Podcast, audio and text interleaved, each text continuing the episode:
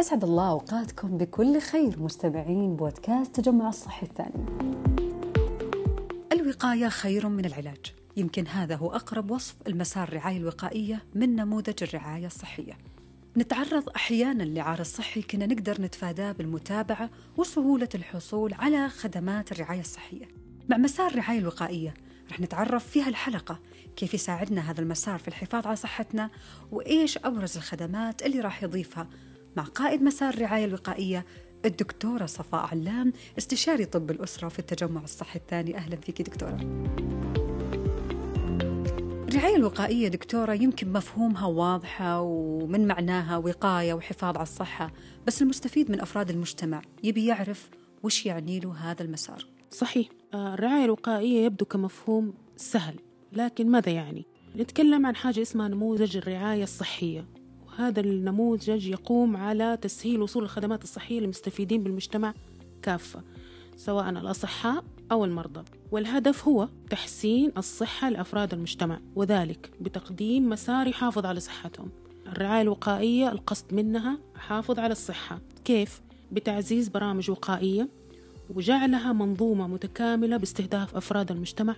كلهم وش ممكن نقول الفائدة اللي يضيفها هذا المسار للمستفيد؟ الأفراد والمجتمع بشكل عام كلهم حيستفيدوا بشكل كبير سواء على المدى القصير أو البعيد ليش؟ لأنه الخدمات الرعاية الوقائية تقدم عدة خدمات مثال المدرب الصحي الزواج الصحي مكافحة التدخين الكشف المبكر عن الأمراض المزمنة الصحة المدرسية كلها تهدف أنه تخدم المجتمع هل راح يكون سهل الوصول له؟ يعني لو حبيت أبى أوصل لهالخدمة وأستفيد منها. أكيد.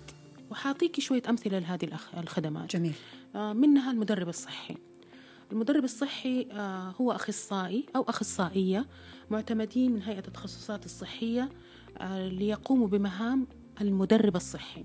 هدفه أنه يمكن ودعم الأفراد أنه يوصلوا لصحة جيدة ونمط حياة سليم وتحكم بأمراضهم إذا كانت عندهم أمراض. كيف؟ أيوة.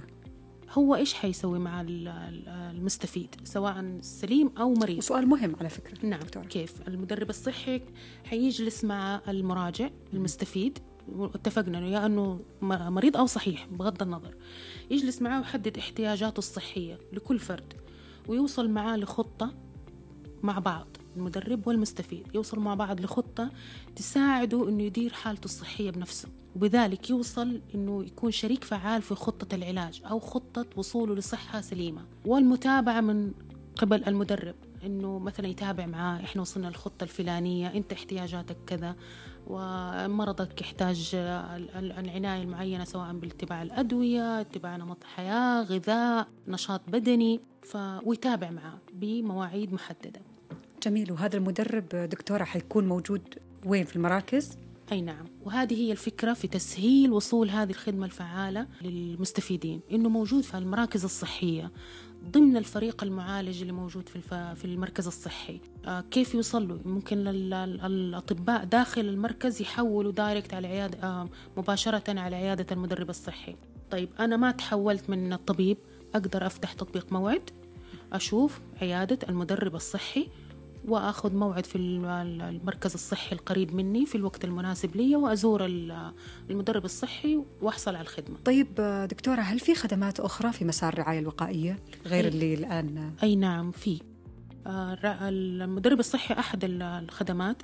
في خدمات الزواج الصحي وفي خدمات الصحة المدرسية لطلاب المدارس وفي عيادات مكافحة التدخين وفي عيادات الكشف المبكر عن الأمراض السرطانية والمزمنة وكلها أيضا موجودة في تطبيق موعد وموجودة في المراكز الصحية لتسهيل الوصول لها. طيب مثل هالخدمة كيف راح يكون أثرها على صحة الفرد والمجتمع؟ الأثر حيكون أثر واضح جدا. الأثر حيكون على المدى القصير كما سبق قلنا وعلى المدى الطويل.